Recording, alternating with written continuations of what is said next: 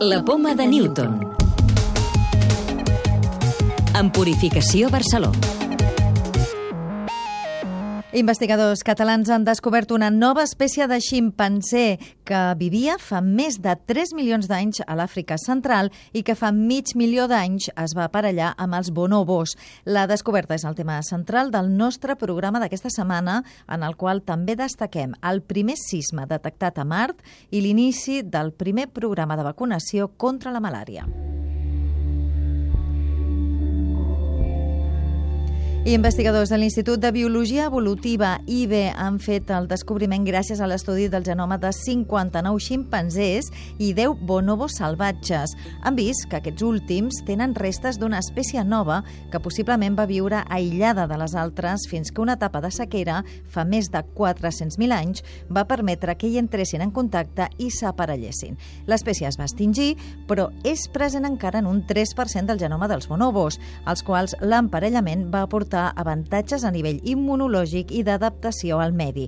Ens ho explica Tomàs Marquès, director de l'IBE i investigador principal de l'estudi. És la primera troballa i la primera evidència de que, igual que ha passat amb humans, que s'estan descobrint noves espècies, en aquest cas, via genòmica, hem estat capaços de descobrir que, bàsicament, hi havia com a mínim una tercera espècie de ximpanzé que es va separar fa més o menys uns 3 milions d'anys de les que avui en dia coneixem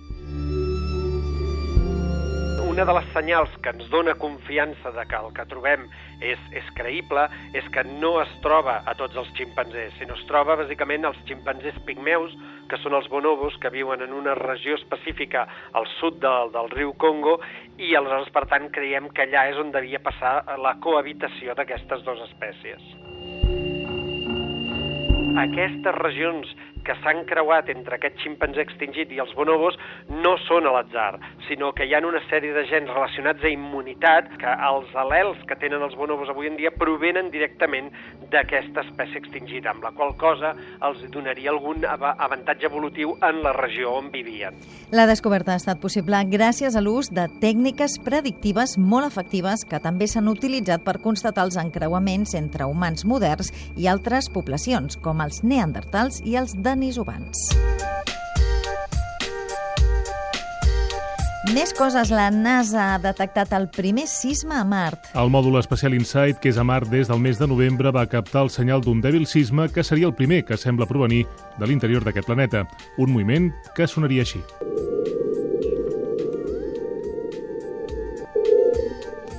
L'Organització Mundial de la Salut ha iniciat per primera vegada un programa pilot per subministrar fora d'assaig la vacuna contra la malària assajada, entre d'altres, per l'investigador Pedro Alonso. El programa ha començat a Malawi, s'implementarà també a Ghana i Kènia per a més de 350.000 infants d'entre 5 i 17 mesos. Carlota Dobaño, Dies Global, centre que ha participat en el desenvolupament d'aquesta vacuna. Fita important en la història d'aquesta vacuna, el moment en què ja per primer cop s'implementa dintre del sistema de salut, no dintre d'un assaig clínic, per primer cop nens africans rebran aquesta vacuna com a part de la seva bateria de, de mesures de control de la malària i serà un tema molt important i que amb esperança no ho mirem tots des d'aquí. Un test genòmic permet reduir o fins i tot evitar la quimioteràpia en algunes pacients amb un tipus de càncer de mama força prevalent. El test permet identificar amb molta precisió precisió quines dones amb aquest tumor es poden tractar amb teràpies biològiques i, per tant, no necessiten quimioteràpia i quines ja han superat la malaltia. La clau de volta.